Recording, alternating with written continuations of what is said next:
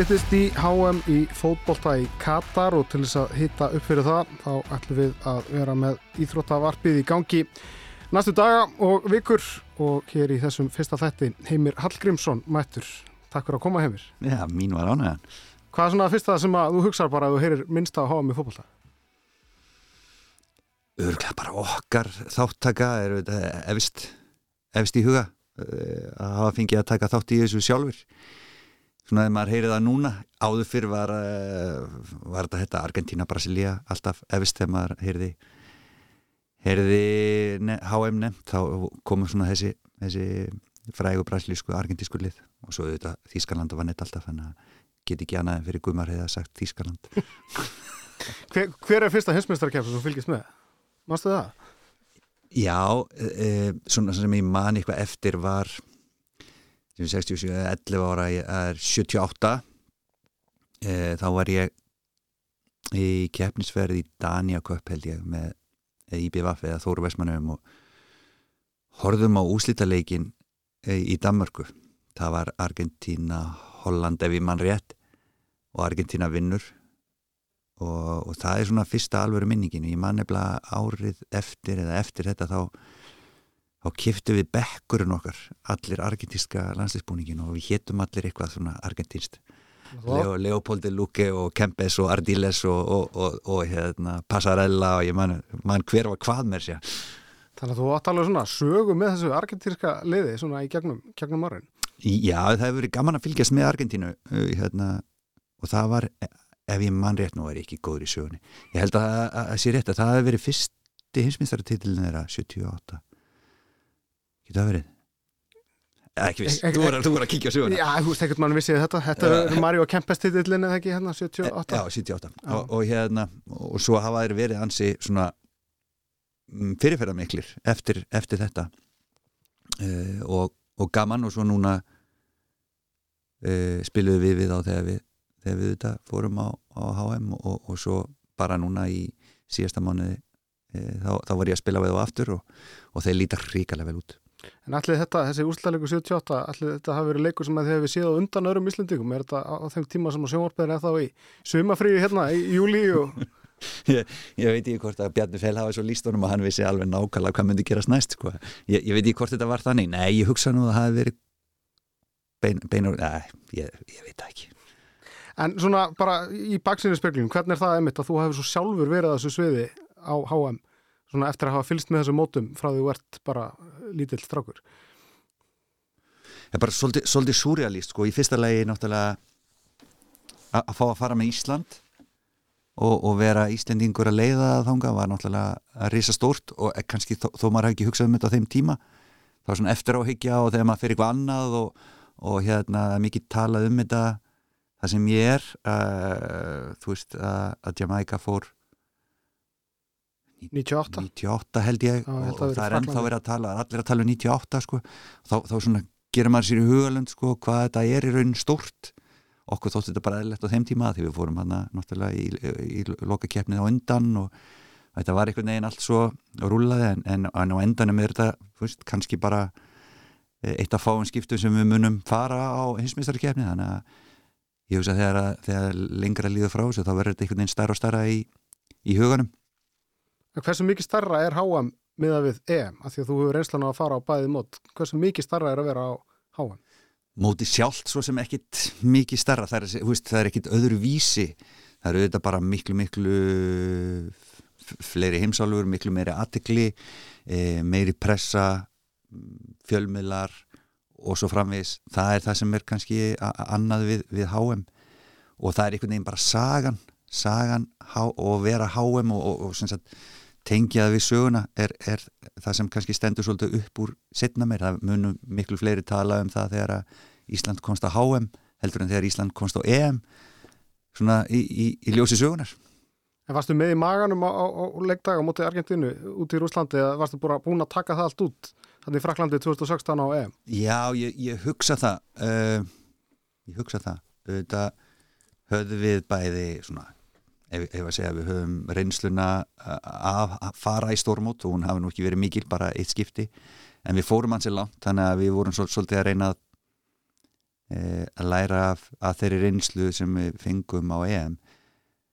En, en hérna nei, mér maganum, jú, jú, maður er alltaf mér maganum þegar leikurinn byrjar og, og eins og í fyrsta leiki EM þegar við spilum við við uh, Portugal þá var svona það sama uh, á, á HM við vorum að fara að spila á Argentínu og erum við kannski aðeins og litlir. Alltaf svona eitthvað fyrildi eða eitthvað kalla á aukslinni sem segir að ég er kannski aðeins og litlir fyrir, fyrir þennan mótærja en, en svo bara þegar leikurum byrjar þá glemar öllu þessu bara. En svona Íslandikar, er ríkt í okkur Íslandikum þó að sé svo sem bara stutt liðið frá þessu móti að tala um þennan Argentínuleik sérstaklega, fyrsti leikurinn á HM þessi vítaspyrna sem Hannes Ver mm. gerur jafntefli, Messi á staðnum og svona mikil eftirvænting. Er þessi leikur jafn stóri þínum huga svona í dag, núna fjórum ára setna, eða er þessi leikur bara já, bara í kringum marga aðra? Já, já og, og nei, þetta er kannski sá leikur sem að flesti tala um. Uh, og kannski fyrir mig og okkur sem betur fer að því að hinn, hinn er fórun og við töfum hinn um tveimur. En, en hérna neini, auðvitað er, er þetta svona ykkur, það er ykkur ævintýra ljómi yfir Argentínu og Brasilíu og hinsmistarkjafni það er eitthvað, þetta er ykkur samtenging þarna á milli, finnst mér uh, að því að þeir voru með leikmenn og, og oft á tíum lið sem að voru svolítið öðruvísi og allir elskuðu og hérna, öðruvísi fótballi þess vegna var þetta svolítið svona já, þetta var svolítið skemmtilegt að fá að byrja að leika gegn Argentínu í fyrsta leik á hinsmistramóti eða í lokakefna hinsmistramóti það var eitthvað svona romantík í þessu öllu saman. En er þetta ennþá að hugsa um þetta mót? Er þetta eitthvað að hugsa um ef og hefði? Hefðu takkið færið til að fara aftur í tíman og, og taka mótið aftur? Veist, hvað þú myndi gera öðruvísi? Eh, eh, leita svo hugsun á því eitthvað já, já, ég er svo sem ekki að hugsa um móti og þegar að leikur er búin þá er leikur búin en, en það er svona kannski mm, eitthvað í umgjörinni, eitthvað í undirbúninum hvað, hvað myndum maður að gera á annan nátt eða hvað myndum maður að gera eins? Og ég er nú þokkalega svona skipilega persóna þannig að ég hef, ég hef alltaf haldið e, dagbækur og, og, og hérna og, og verið svolítið svona hvað ég var að segja um, já, gert svona skýslur bæði fyrir mig og, við gerum auðvitað úttækt fyrir, fyrir KSI og EM sem við nýttum okkur mjög vel fyrir, fyrir HM og vonandi er það bara í gangi hjá, hjá KSIN en, en hérna og þetta eh, get ég núna, get nýtt mér þetta þegar ég kem í nýtt landslist það sem að þarf að taka svolítið til og, og hérna, þannig að það er gott að, að hugsa á pappir eins og sættir En hvaða augnablík fyrst er svona standa upp úr, tekur svona eitt eða tvö frá HM 2018? í þínum huga? Ég, það var auðvitað bara þetta fyrsta mark að ná að jafna Argentínu, fyrsta markið á, á HM var, var Alfred og auðvitað uh, þú veist, að ná jafntibli frekar heldur en að Hannes veri viti skilur að, að, að ná jafntibli þannig að þetta, er, þetta var óbúslega góð liðsframist að þessi leikur auðvitað stendur svolítið upp úr og það gaf okkur möguleikan á því að komast í, í hérna, upp úr riðlinum. Með því að gera jættibli fyrsta leik þá, þá gefur það manni möguleika í flestum tilvöldum að, að, hérna, að komast upp úr reilunum alveg fram á síðustu mínútu í síðasta leik. Og einhverju hefðu nú talið að það hefðu nú væri nú eitthvað svona, eitthvað bjart sinni að, að hérna, segja það fyrirfram að við, við ætlum að komast upp úr reilunum en, en það var alveg fram á síðustu mínútu sem við áttum möguleika á því og ég held að það sé á vissan hátt svolítið góður árangur En svo þú kemur heim eftir hann, hvernig er bara andleg hilsa hjá landslistjálfara eftir heimsmeistaramót og allan aðdragandan og undirbúningin? Ég held ég að við bara sloppið ákveðla út úr þessu. Eh, það lítur að vera líjandi samt, já, þetta er svona all inn í einhverju svona risastóru verkefni með þennan langa aðdraganda. Já, en ég held að það hafi svona, svona yfir höfuð allir verið ánæður og með, með liðið þar að segja það voru allir að leggja sér fram og, og það er ekkit, var ekkit, engin, eh, ekkit skandal í held ég einu eða einu hjá okkur og, og ég held að við komum vel fram fyrir hönd þjóðar. Þannig að ég held að allir hafi verið verið ánaði með okkur þá getur auðvitað þjálfarin gengið svona nokkuð, nokkuð hérna, beitni baki. Eh, og svo bara fer ég til Vestmanni þannig beint. Þannig að það, þá fer maður bara inn í eitthvað umhverju sem maður þekkir og maður verður bara svo persóna sem allir þekkja þar og er ekki landstiðsjálfari frekar en ykkur annar hann þannig að veist, maður fer bara og, og núlstillis og hjart þingi sér bara 1, 2 og 3 og svo bara áfrangak En áttu er eitthvað svona uppáhaldsleik þegar þú varst með íslenska landsliði, ekki endilega á, á HM heldur bara, maður unni þess að vera vináttarleikur, er eitthvað svona leikur sem að stendur sérstaklega upp úr í þínum huga á þessum tíma með íslenska leið? Já, það er nokkri leiki sem að eru voru ótrúlega skemmtilegir, það var útileikurinn á móti Tyrkjum leikur sem að það sem í rauninni allt einhvern veginn gekk upp leikur sem Kári skorar í og, já, já. já, það er svona uppsett atriði sem við vorum búin að æfa þau gengu upp held ég bara í þremu mörgum eh, var þetta eitthvað sem við vorum svona búin að tala um og teikna einhvern veginn fyrir leikmenn og æfa og, og, og það gekk upp. Og svo bara einhvern veginn í leikslokk þegar við fréttum svo að finnarnir hefur líka tekið stega krótum og hérna og þannig að þá áttu við bara áttu við í okkar hönd, hönd, hendi að geta klárað þetta. Það var rosalega skemmtilegu leikur og bara umgjörinn var einhvern veginn þannig að það var, það var ekki hægt að tala saman. Ég held þetta að hafa verið í konja það var bara ekki hægt að tala saman á bekna og svo mikið læti byrjun. Og svona strákanir einhvern veginn svona lækkuðu voljumið í áhórundum eftir því sem leið á leikin og, og svo svona undir lokin að þá voruð farnir að fagna okkur og klappa fyrir okkur. Þetta var alveg súrealist hvernig einhvern veginn allt snýrist þetta kvöld og einhver sem að, einhver aðri máttavöld sem að voru svolítið með okkur í liði þarna einhvern veginn gekk allt upp og, og ekki bara hjá okkur heldur líka annar staðar. Þannig að, að hérna, það er svona leikur sem að, sem að hérna, er eftirminnilegur. Annar viðsnúningsleikur er, er úti á móti Sviss í, upphafi þegar ég var aðstofþjálfari fjögur fjögur, fjögur fjögur svona leikur sem einhvern veginn gaf okkur trú á framhaldinu. Mm, Kroatíu leikurinn hérna heima þegar við unnum 1-0 eh, ég held ég hafi verið 50 daginn áður einhvern veginn læstur inn á inn, inn, inn á Hildón hótelinu og, og þetta var bara einhvern veginn allt svo geggjað, veðri var svo gott og allir voru svo glæðir og, og svo kom bara sigur í, í hérna í blá lokin, í blá lokin og það, það eru svona leikinni sem að í minningunni standa upp úr Nú ertu komin til Jamaica, mm. tekin við Jamaica mm. Eh, hvernig svona hafa þessa fyrstu vikur verið þar? Það er hafa verið svolítið hva, hvernig á ég að orða lærdómsríkar?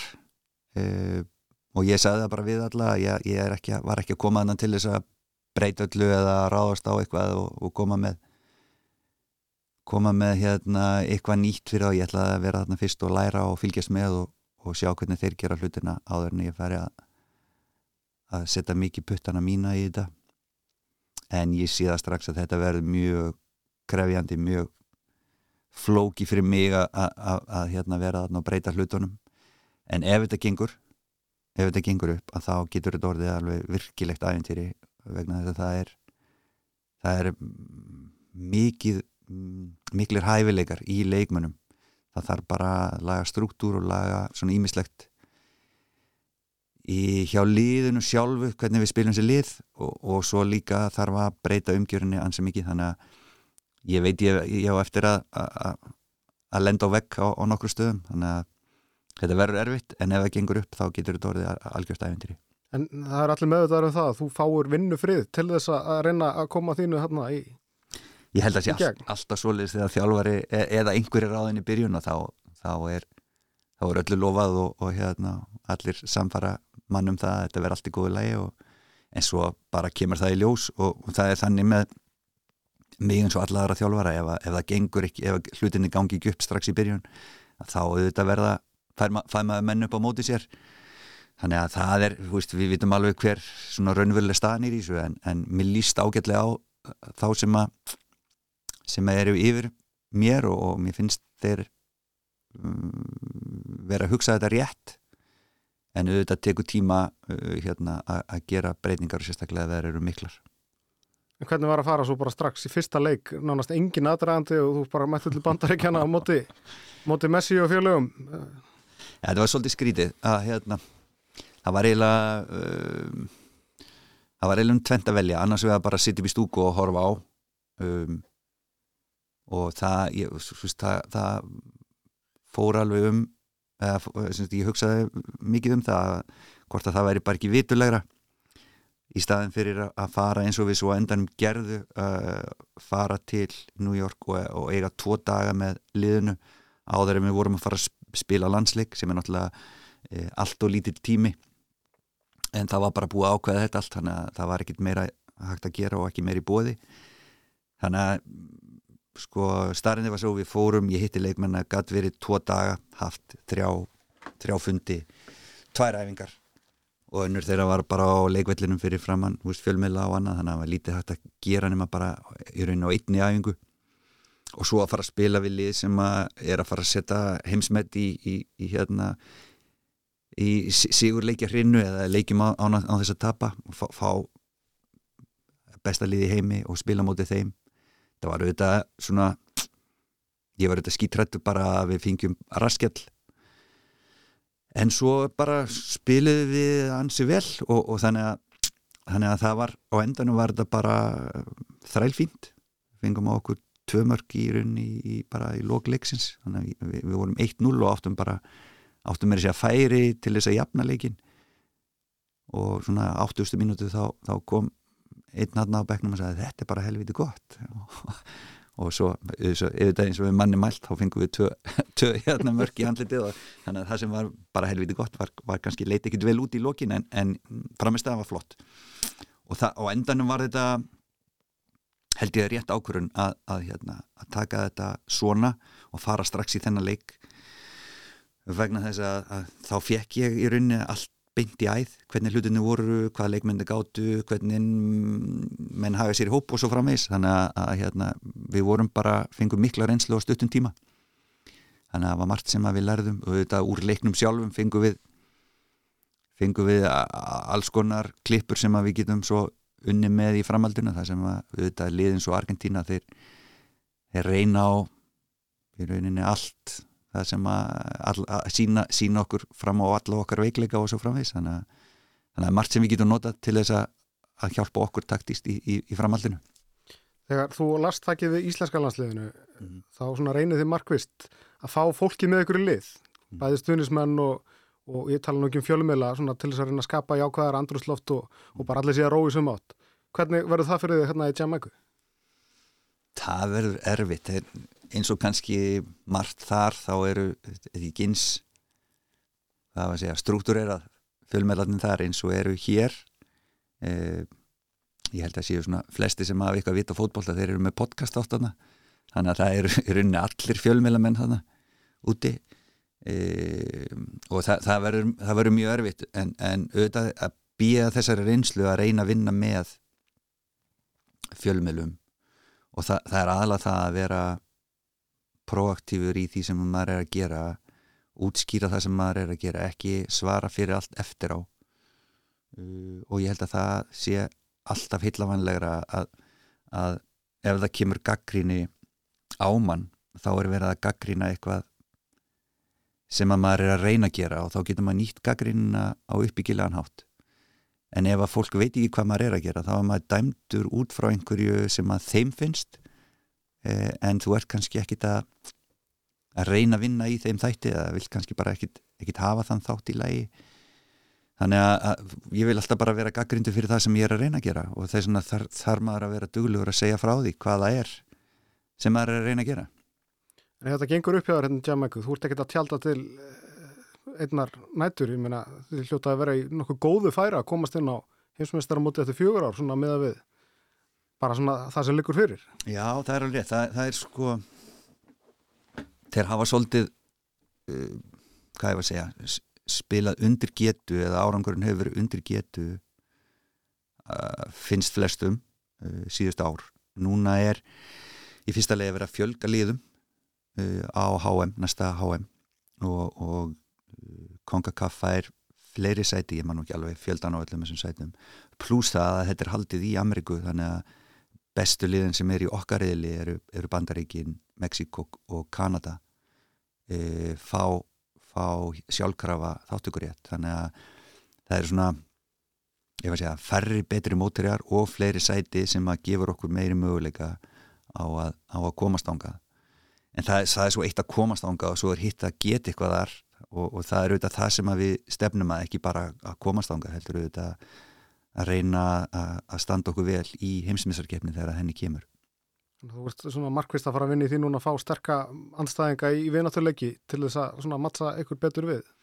Já, við fáum náttúrulega núna. Það, þetta er, það er örgulega lítið um það að, að, að hérna, við getum stilt upp aðvengarleikum vegna þess að þetta er uh, undakefnin þarna eru, allavega síðast voru það átta, átta lið í riðlinum og þrjú að þeim komist á, á HM og, og hérna já, núna verða það fjögur. Og þannig að það eru sko þá 14 leikir í riðlinum fyrir HM sem því það eru flestir FIFA leikja gluggar uh, uppteknir bara fyrir, fyrir HM leiki tvö ára áðurna áðurna HM byrjar. Og, og, og hérna þannig að það, það er ekkit mikið um möguleika á að að fá sterkar vinnáttalegi því að þetta, það er svo aftur Gold Cup 2005 og það er undakefni í það hvort sem það er Nations League eða, eða bara bein undakefni, ég dekki það ekki alveg. Þannig eru flestir landsleikja glukar, þeir eru bara fráteknir fyrir fyrir þessa keppnir þarna. Áður nú tókstu Jamaiku þá allavega hérna í íslensku fjölmjölu erstu mikið orðaðar við, við val hérna í sumar og, og svo eitthvað fréttir núna í hausta að vanda Sigurgestóttir formar KSI hefði átt eitthvað allavega símtal eða samtal við þig. Hversu langt fóru svona þreyfingar Varstu eitthvað nálægt í að taka aftur í landsliðun eða, eða fara í, í bestu dildina með val? Uh, ég var alveg sko ég var bara á þeim tímapunkti að mér langaði bara að sjá hvað, hvað hérna hvað væri bóði uh, eh, og, og ég tók já ég tók þetta uh, spjall við fleiri en, en þau og, og fleiri lið hérna á Íslandi og, og svo framvegis en ég var nú alltaf að, að svona með hugan við að reyna að komast út og hérna var með svona alltaf eitt, tvö eittu verkefni sem að voru líklegst legust sem að svo mm, á endanum ákveðum að taka ekki. Þannig að jú, það, var, það voru alls konar, alls konar þreyfingar í gangi. En ég var bara, mér langaði ekki að fara strax að þjálfa eftir að ég kom frá Katar. Ég, ég, ég þurfti bara á smá frí að halda, ég hef alltaf verið að þjálfa út af því ég hef ástriðið fyrir fókbalta og hún einhvern veginn svolítið kvarf þarna út í Katar þannig að ég þurfti bara að kúpla mig út og, og, og hérna, aðeins hoppa frá fókbalta og henda mig bara tannlagningarnar aftur. Og, og hérna, svo bara kom það í róli heitum og ég á svolítið heimarheiðas að þakka fyrir það ég fór aftur svona aðeins að, að, að sníklast í kringum hann og hérna, mér fannst það gaman og hérna og það hjálpaði mér svolítið í þessari ákvöruna að taka eitthvað svona verkefni eins og þetta sem er áskorun, mikil áskorun En þrýfstu á emið svona áskorunum og, og æfintramennsku þú sért mikill leigamæður og líður náttúrulega best heima í það er þar. Svona allt frá því þú bara þú þjálfar hvernalið hattar á eigilstöðum í byrjun þjálfara fyririlsins í það að vera núna að þræða svona hérna ólíklegustu staði, Katar og Jamaica. Það eh, er einhvern veginn bara, mér langar rosalega að taka lið og það var kannski ástæðan fyrir að Valur kom inn í dæmi á sín tíma sko að mér langar rosalega að taka lið sem er óbúslega gott og á bara möguleika og bara fyrirfram getur unnið deildir eða eða hinsmyndarkefni eitthvað, þetta langar öllum að þjálfa svolítið slið, en það hefur bara verið einhvern veginn mitt minn ferill að vera svolítið í ef, ef ég sletti svona underdog hérna að þjálfa underdog lið hvort sem það er IBF í kvænaliðinu eða IBF í kallaliðinu eða eins og segir höttur eigistöðum og fara svo og, og, og hérna e, íslenska landsliði sem var auðvitað underdog lið þegar við byrjuðum þó að það hafi kannski ekki verið það í, í endan og fara svo aftur til, til Katar og taka lið sem að þurfti algjörlega á, á hérna, endur uppbyggingu að halda. Og núna eru þeir til dæmis bara konir í mestardeild Asju þannig að það, það verkefni hefnaðist. Þannig að það hefur einhvern veginn alltaf verið þannig með verkefni sem ég hef tekið að mér. Það, það er, þeir kalla svona ég er ekki svona red carpet þjálfari. Eh, það, það er alltaf eh, áskoranir í verkefnum og það er líka bara þetta að nú komir reynsla á það hvernig ná að vinna úr og með svo leiðslið þannig að kannski bara eðlegt að maður haldi áfram bara að vera í þannig verkefnum. Því myndist á að þú hefur eitthvað að tala við KSI er allt uppgjert millið þín og KSI svona eftir þenn tíma þar? Já, já, já, bara góð samskipti við þau og, og þetta var ég fyllt af að hérna, góðum vinnum þar. Eh, Ef við færum okkur aðeins aftur að HM framöndan í Katar hvaða lið finnst þið líklegast þess að vinna háa? Ég bara út af því að ég það er svona ferskast líki minninu að, að, að hérna ég hef byllandi trú á Argentínu. Það hefur nú stundu kannski hent þá að þegar að mest á reynir þá, þá koksaðir en, en hérna það er eitthvað við þá. Þeir eru óbúslega taktískir. Við horfið nú á leikin hjá þeim gegn Ítalíurinn og hann auðveldlega 3-0 það er bara ekkit mörglið sem gera það. E, leiknum gegn okkur jú, jú, við, við heldum þeim kannski niðri en svo, svo kom Messi inn á í setniháleik og, og hann er bara svona gæi sem ekki bara er góðu sjálfur heldur gera hann allir kringum sig einhvern veginn það góðan. Og hann virðist vera núna í að algjörur toppstandi. Er bara alltaf að spila vel fyrir, fyrir Parísaliði og svona óumdeildur auðvitað hjá, hjá Argentínu en hann virðist hafa svolítið leikmennina með sér, kannski meira núna heldur en, heldur en síðast. Og ég hef bara einhvern veginn, ég hef, ég hef trú, á, trú á því, þeir, margir af þeirra leikmennum er að spila vel í sínum liðum út um allt. Þannig að þeir eru svona í, eins og staðin núna auðvitað, svo breytist þetta bara eh, í fyrsta leiki móti en, en þeir, mér finnst þeir líklegastir eins og staðinir Brassarnir hafið þetta ótrúlega marga góða leikmenn í bestu liðum í heimi.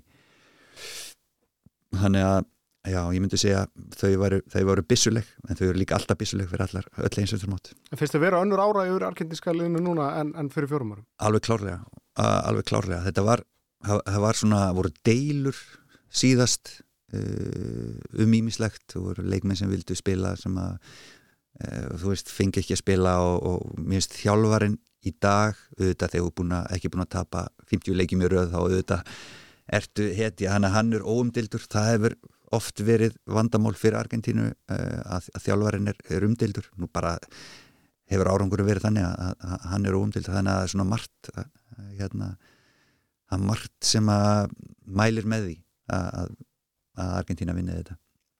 Hvað heldur þessi erfiðasta landslýstjálfara staðan í heiminum? Bara svona fyrst ég bara svona að hugsa þetta allt inn að þú ert að tala um tala um landslýstjálfara þannig það, það er Tyrkland eða já, ykkur af þessum ríkjum það sem eru blóðheitir blóðheitir einstaklingar. Ég hugsa að sé ekki öðvöld að þjálfur Argentínu þetta er náttúrulega, það eru bara trúabröð þar. En, en hérna, já, það er eitthvað England með alla pressuna alltaf á mótið þeirra, það er aldrei neitt með þeirri liðið þar. Já, já, það er, það er líklega jú, jú, fyrir, fyrir, fyrir hérna, er, þá er það einn ein erfiðasta staðan en mér sátt geta hafa tæklað allt ótrúlega vel það hefur verið ótrúlega rólegt einhvern veginn í kringum mennskanlandsliði þó að það hef ekki genginni sérstaklega vel upp á síðkasti en, en þá hefur, ég held að þessi bara komið bara þokkaleg sangirni í, í, í ennsku pressuna Á England eitthvað séns? Eða var svo séns fyrir fjórum ára? Nei, nei, þeir eru allavega að koma inn núna kannski eins og fyrir fjórum árum mm, ekkert, ekki favorites allavega. Og það hefur alltaf verið pressa á þeim. Ég held að hún sé ekki núna bara því að, að, því að það hefur ekki gengið vel, kannski er þetta bara klókt hjá Southgate að vera ekki að vinna á mikið að leikjum fyrir, fyrir HM, að fara pressulegs inn. E, þeir eiga möguleik eins og, eins og allir aðrir en e, þeir eru ekki líklegastir í dag fyrir mig. En förum við reynu annað, bara svo við fara aftur í Argentínu, er þetta mót sem Lionel Messi verður að vinna, bara svona upp á sinn feril þegar að vera hort tilbaka góðsögnin Messi? Mm, það fyrir eitthvað hvernig horfir á það. Ef hann ætlar að vera á samastað og, og, og Maradona, þú veist það eru kirkjur sem eru kirkjur Maradona og, hérna, og svo framvegis. Þetta er miklu miklu meira heldur en sko fótbolti fyrir argentinumenn og hann veist, hann verður bara dyrkaður ef þeir vinna, þá, þá er hann bara veist, hann er komin ofar guði sko, fyrir argentinumenn og það var bara þannig, eins og þegar við spilum við á núna að þá byrjaði hann ekki inn á, inn á í leiknum og svo var þetta bara allt vittlust ykkur tíðan í miðun leik sko. Að, að þá er, er gæin að byrja að hita upp sko, hann er að sparki rass og, að hérna, háa hann hélöftur og það var bara allt vittlust á vellinum sko, bara því að hann stóð upp og fór að reyfa sig sko. Og, og hérna það var þrísasunum eftir að hann kom inn og það var þrísunum hlaupið inn á vellin sagt, bara til þess að fá hann til að skrifa einn staf eða punkt eða eitthvað á líkamann sinn sko þannig að illi og bera ofan og, og var með túspenn og vildi fá hann til að skrifa baki á sig sko, og hann var tæklaði niður af, en svona er bara lífið hans, hann er bara þetta er eitthvað miklu miklu meira heldur en góðu fókbaltamaður, hann, hann er bara dyrkaður Messi og Ronaldo náttúrulega verið mest í umræðinni bara síðasta áratug svona besta fókbaltamann í heimi allavega í augnablikinu. Hmm. hver er besti fókbaltamaður í heimi akkurat núna svona þínum að því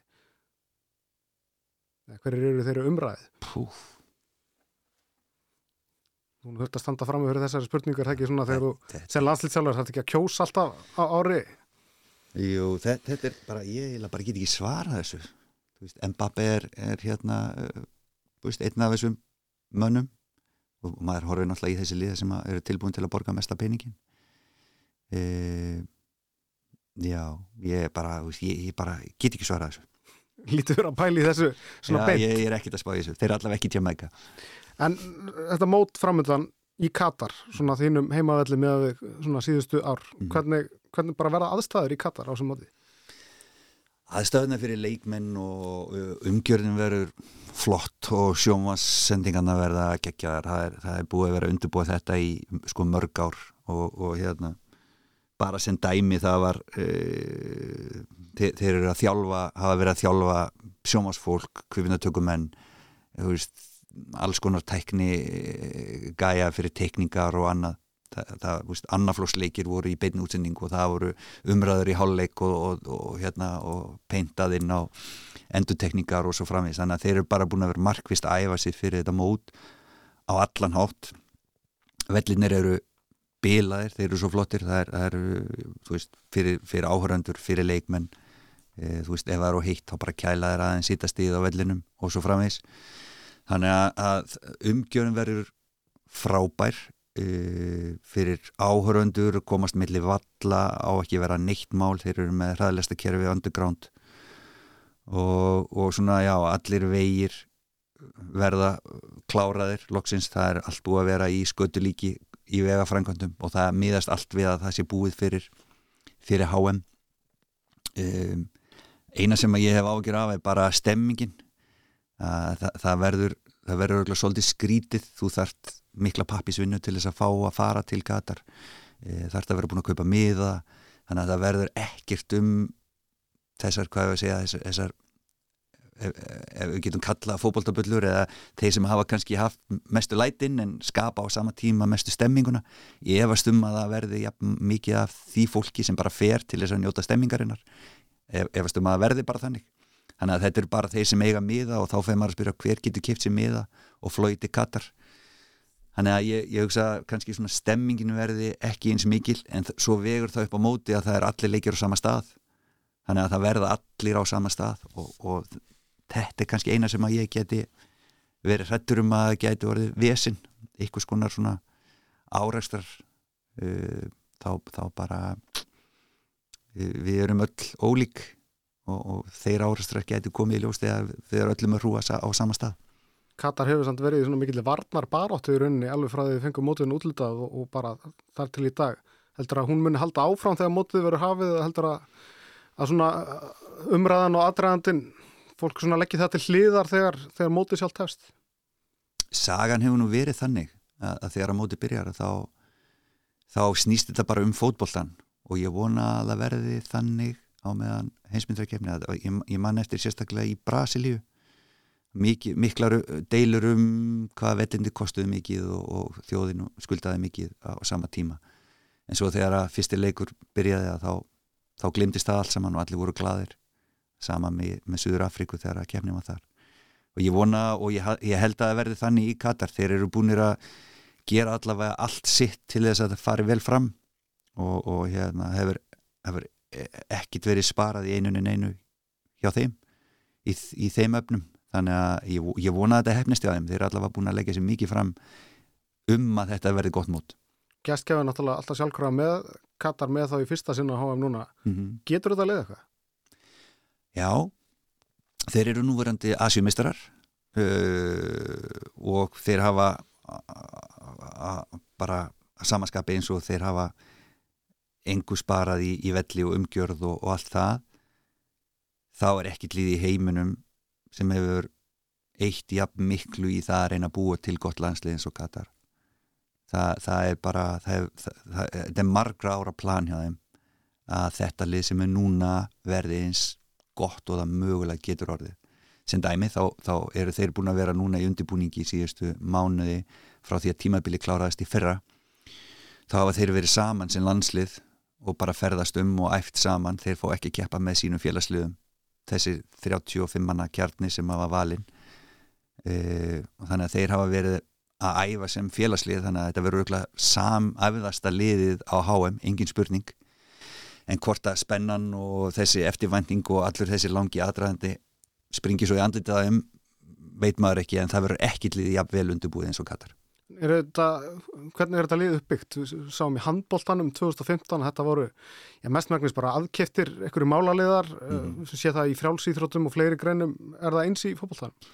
Nei, sem beturfer er þetta bannað í fótbólta sem, sem beturfer er þetta bannað og það sem er svo uh, merkilegt ef við tölum um þetta lið er það að þeir stopnuðu fyrir mm, allir það sé ekki 20 árum eða eitthvað akademíu sem heitir Aspire Academy það sem þeir taka efnilegasta íþróttafólki sitt og bara þeir eru í skóla í þarna hvort sem þeir eru hinsmistar í hástökki og, og svo framvegis, þeir eru frekar fámenn þjóð þeir eru 350.000 manns Katararnir eru 350.000 manns þó að búið þrjár miljónir að það e, þannig að þeir, hafa, þeir tóku svona um, hvað við segja, svona elít íþróttafólk mjög ungt og þeir eru og þau eru þarna í skóla. Uh, finnst læra, borða, æfa allt undir eftirliti alveg frá því þeir eru uh, mjög ungir. Og þessi þjálfari Felix, uh, Felix Sanchez sem er að þjálfa á núna hann byrjaði að þjálfa undir 15 ára lið sem var, fylgdi eins og undir 17 og undir 19 og undir 21 og nú er hann að þjálfa alhanslið og hefur verið að gera það í fjögur ár. Þannig að þetta er allt uh, allt leikmenn sem hafa í rauninni verið bara markvist búnir til til að taka þátt í þessari heimsmyndarkjefni og, og, hérna, og hann er búin að þjálfa marga af þessum leikmennum í, í fjölda ára. Kannski ég myndi að halda að sumum, sumum af þessum strákum hefur hann þjálfað í 6-7 ár. Þannig að, að þetta, er, þetta er bara þeirra framleysla auðvitað eru katarar margi hverjir með tengingu inn í Afriku til, til Sútan eða, eða eitthvað þángað en þetta er allt leikmenn sem hafa fæðist í, í, í Katar og, og bara merkilegt og, og búinir að bú, búið að ala þá upp flesta, ég held að svona 80% af öllum leikmennum sem er að hafa farið í gegnum alla að spæjar akademíuna En er þetta mótel sem Katar hefur verið að notast við síðust ár eh, því við erum alltaf já, Íslandikar tala oft frekar neikvætt og, mm. og vestur eru búar um Katar mm. en ef við horfum á jákvæðanótum, er þetta eitthvað mótel sem aðrar þjóðir getur hort til í afræksmennsku, jafnvel þó við kannski ekki úr sömu peningum að spila Já, það eru þetta sko ekki, ekki margar þjóði sem geta þetta.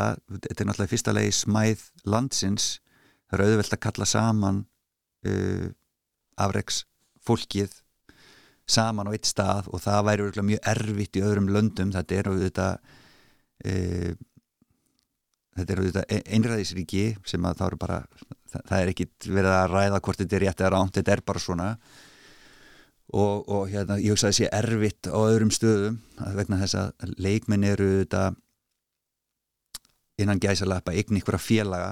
Og félag, félagin er að sjá um uppbygginguna. En þarna yfirtekur í raun sambandið eða, eða ríkið eða hvað sem er yfirtekur bara þessa leikmenn. Eru, það eru allir leikmenn katar. Félagsliðin fá greiðslu frá sambandinu til að reka sig. Þannig að það eru raun allir greittir af ríkinu hvað sem það eru leikminn í ég eða einhver annars en þjálfari þá er það rauninni sambandi sem að borgar öllum launin. Þannig að þetta er, þessi öll stjórna frá miðjunu og það eru bara ekkit mörg lönd þannig. En, en hérna fyrir utan það, það, það væri bara fjárhastlega mjög erfitt fyrir önnu lönd að gera þetta svona. Hvernig, þú ferð, tvær ferðir núna til Katar á meðan háum stendur með okkar fólki, með Ettu Sif og, mm, mm. og Helgu Hvernig líst þér á þitt hlutverk í kringu þetta heimsmyndstarmót, þetta sérfræðingar hlutverk, bæði hérna heima og úti? Bara vel, uh, ég held að þetta verið skemmtlegt, þetta er skemmtlegt mót fyrir mig á, á svo margan hátt, í fyrsta lagi að þetta skulle vera út í Katar, ég er náttúrulega búin að búa þar í þrjú ár, uh, í öðru lagi uh, er ég mjög spenntur að fylgjast með landsliði Katar, bæði þjálfa leikmennarna og spila á mótiðum öllum og, og, og þekkið á vel, hann er að, að hérna það verður svona skemmtilegt að fylgjast með þeim.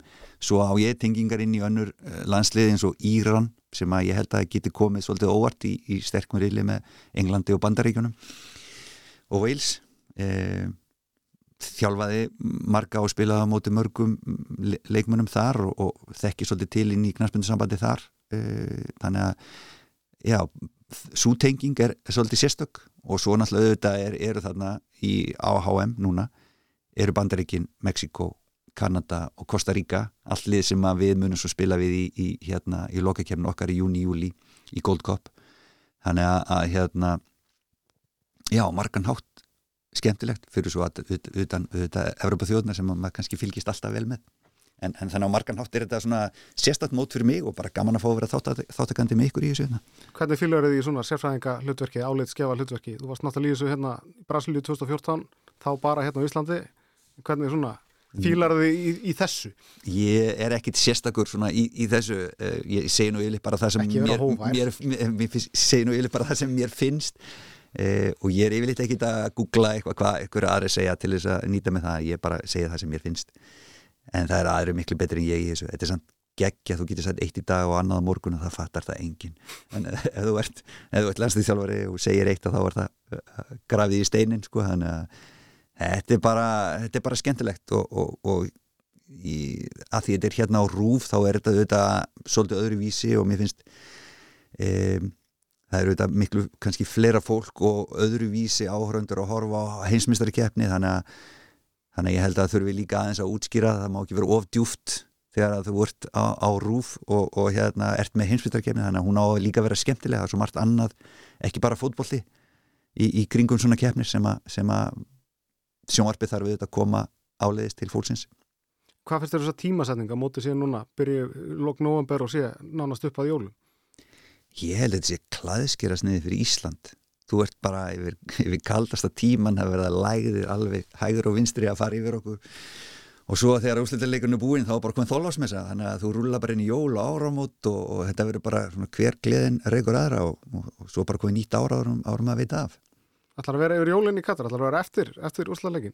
Nei, það er nefnilega engin jól og engin áramót í Katar. Það verði eiginlega að finna við að þegar við vorum að fjölskyldan á pöntuðu við okkur á pöntuðu okkur hérna og svolítið fyndið fyrsta ári. Pöntuðum okkur hérna eh, á veitingastað á, á gamlaskvöld sko, sem svona í turni sem er snýst og á rosa útsýni og við ætlum nú aldrei að njóta sko því að eru það var ekki eitt stjórnuljós, það var náttúrulega þeir og þeir tímatali og allt annað sko þannig að hérna, við snýrjum bara í ringi og sáum ekki ras. En er ekki, ég hef nú komið til Katar það er fullt af kirkjum, það er náttúrulega fullt af fylgjumsegingum sem eru katholskir og, og, og, og svoleiðis, það er ekki bara bara moskur. Já, já, já En, en það, en það er ekkert haldið upp á jól það, þeir sem aðkomu Jú, jú, þetta heldur aðkomu fólki upp á jól jú, jú, en það var ekkert svona, engin flugöldarsýning á áramótunum. Því að þau koma setna hjá þeim. Talandu um flugöldarsýningu, lestu sittin í samningin hjá Jamaica að þú fengir að vera viðstættu 13. gleðina í Vestmannu Já, já, já það, ég flý ekki fyrir neftir 13. glei En þú mistir af henni eitthvað, er það ekki þegar þú varst í Katar? Jú, Þú ætlaði hættur að leika grílu Jú, jú. Það, það, það klikkaði. Það klikkaði. En bara svona rétt í lókin heimir fyrir hver ertu spenntastur á þessu heimsmeistaramöti? Ég bara, því ég er kannski aðeins tengdur, ég er bara óbúslega spenntur að sjá hvernig þetta, hvernig frangvandi verður á þessu. Hvar hérna hvort að er verðið með þetta allt hérna á hreinu eða hvort að er eitthvað sem að sem að þeir þurfa að laga. Ég, ég er mest spenntu fyrir umgjörðinu og því öllu hjá þeim, hvernig nýrunni frangvæðinu verður. Ég, ég, ég veit hversu mikið er hafa hversu mikið metnaður hafa sett í allt. Þannig að ég, þú veist, svo sem ekkit fótballtalega er ekkit býst ég ekkit við neinum, neinum skrítnu en, en hérna, það verður bara fyrir okkur sem hafa búið aðna og, og fylgst með öllum uh, já bara öll, allir uppbygginguna aðna, það verður óbúslega gaman að sjá hvernig svo að endanum þetta, þetta hefnast allt hjá þeim Heimir Helgrimarsson, takk hjálpa fyrir komuna